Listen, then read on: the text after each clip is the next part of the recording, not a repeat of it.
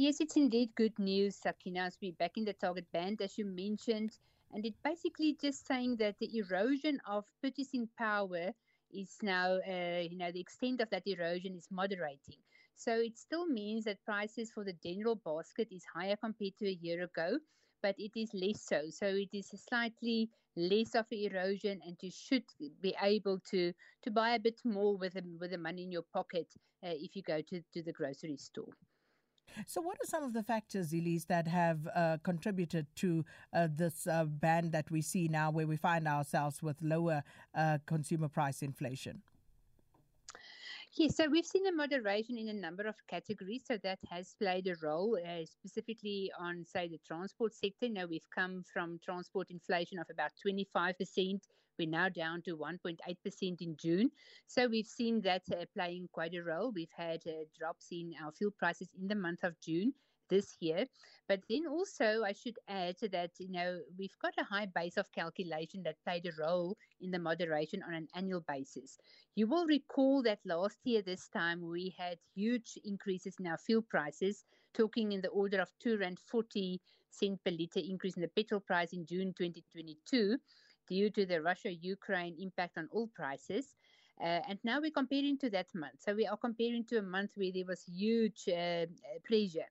So from that point of view, a high base did play a role as well. But we have seen a, a slight moderation in our food prices. That is positive.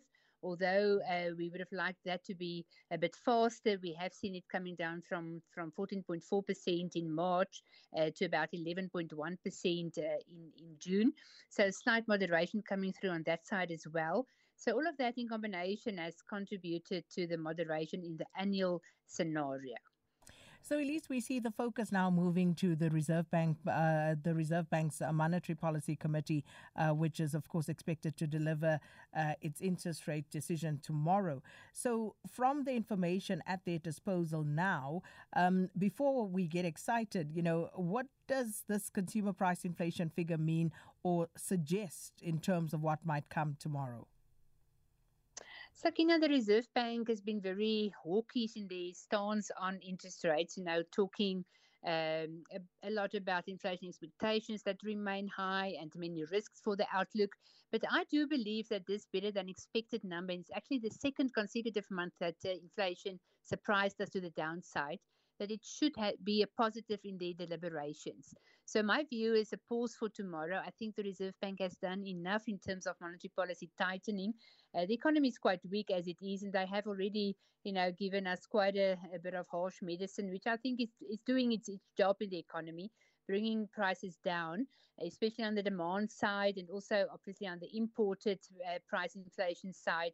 The fact that they have continued to hike rates quite aggressively has uh, supported the rand exchange rate to some extent, uh, helping us on the imported inflation side. So there's there's been uh, some positive, you know, I would say, consequences of the hiking cycle. But at this point in time, you know, thinking about it, that it takes the economy uh, 12 to, to 18 months to fully reflect the impact of changes in interest rates. We will still continue to see the impact thereof then in the next, uh, you know, period. So from that point of view, I think they've done enough. They should sit on their hands, waiting to see how the economy reacts further to what has already been done. And it's also the fact that inflation has come out better than expected. I think surprised the bank as well. They uh, previously indicated an average for quarter two of 6.4, and it, I mean, that was the forecast, but it actually realized 6.2. So I think they will also have a lower starting point for the inflation forecast, which should result in them revising the headline forecast for 2023 somewhat lower.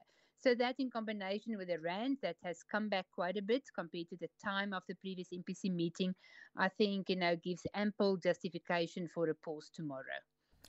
What about international uh, economic factors uh, or global trends at this stage, Elise? Uh, how is that likely to influence their decision? That's also very important. You know, we have seen, especially focusing on the US, that inflation on, on in the US has come down quite aggressively, uh, and has also surprised on that side, surprised to the downside in, in the US. So there, the, the the talk of the town is whether the the Fed will um, restart hiking uh, rates after they have paused uh, just last week, I think it was. So the fact that they've paused and also said inflation has come down quite a bit, I think is a factor that will will uh, encourage the Reserve Bank and uh, hopefully to also decide to pause and just wait and see uh, how things developed. Certainly hope they're listening to you, Elise. Uh, but also, just finally, uh, how does uh, this uh, consumer inflation um, figure that we see today, how does that actually uh, interact with uh, sales, retail sales figures? So um, the fact that you've got less erosion of your purchasing power should support retail sales. Um, you know, if you take, but it's not necessarily, I would say, a straight line. But uh, inflation, you know, as we know, uh, reduce uh, the, the, purchasing power. So you can buy less, and if inflation's erosion is less, then hopefully you can buy a bit more. So that should stimulate a bit on the retail side. But you know, having said that, you know, we need to see inflation even coming down a bit further. So this is only the first uh, figure that's that's closer to the levels that you can maybe think about in terms of a wage increase as well. We've been quite a bit above that for quite some time now. So we need to see inflation remaining at a lower level for a bit longer before we should start to see uh, maybe a, a, bit of an impact on retail sales. But I think retail sales are also being hampered by um, high interest rates as well, and also by general low confidence levels in the economy. So I think you know really one good figure is not enough yet to make a meaningful change uh, or meaningful um, impact on retail sales. Elise, thank you so much for your time. Elise uh, Creer is an independent economic analyst, and uh, you heard her forecast there. So let us know what your thoughts are on these latest uh, figures released uh, by Stats SK. Uh, South African uh, consumers hopefully in for a bit of relief.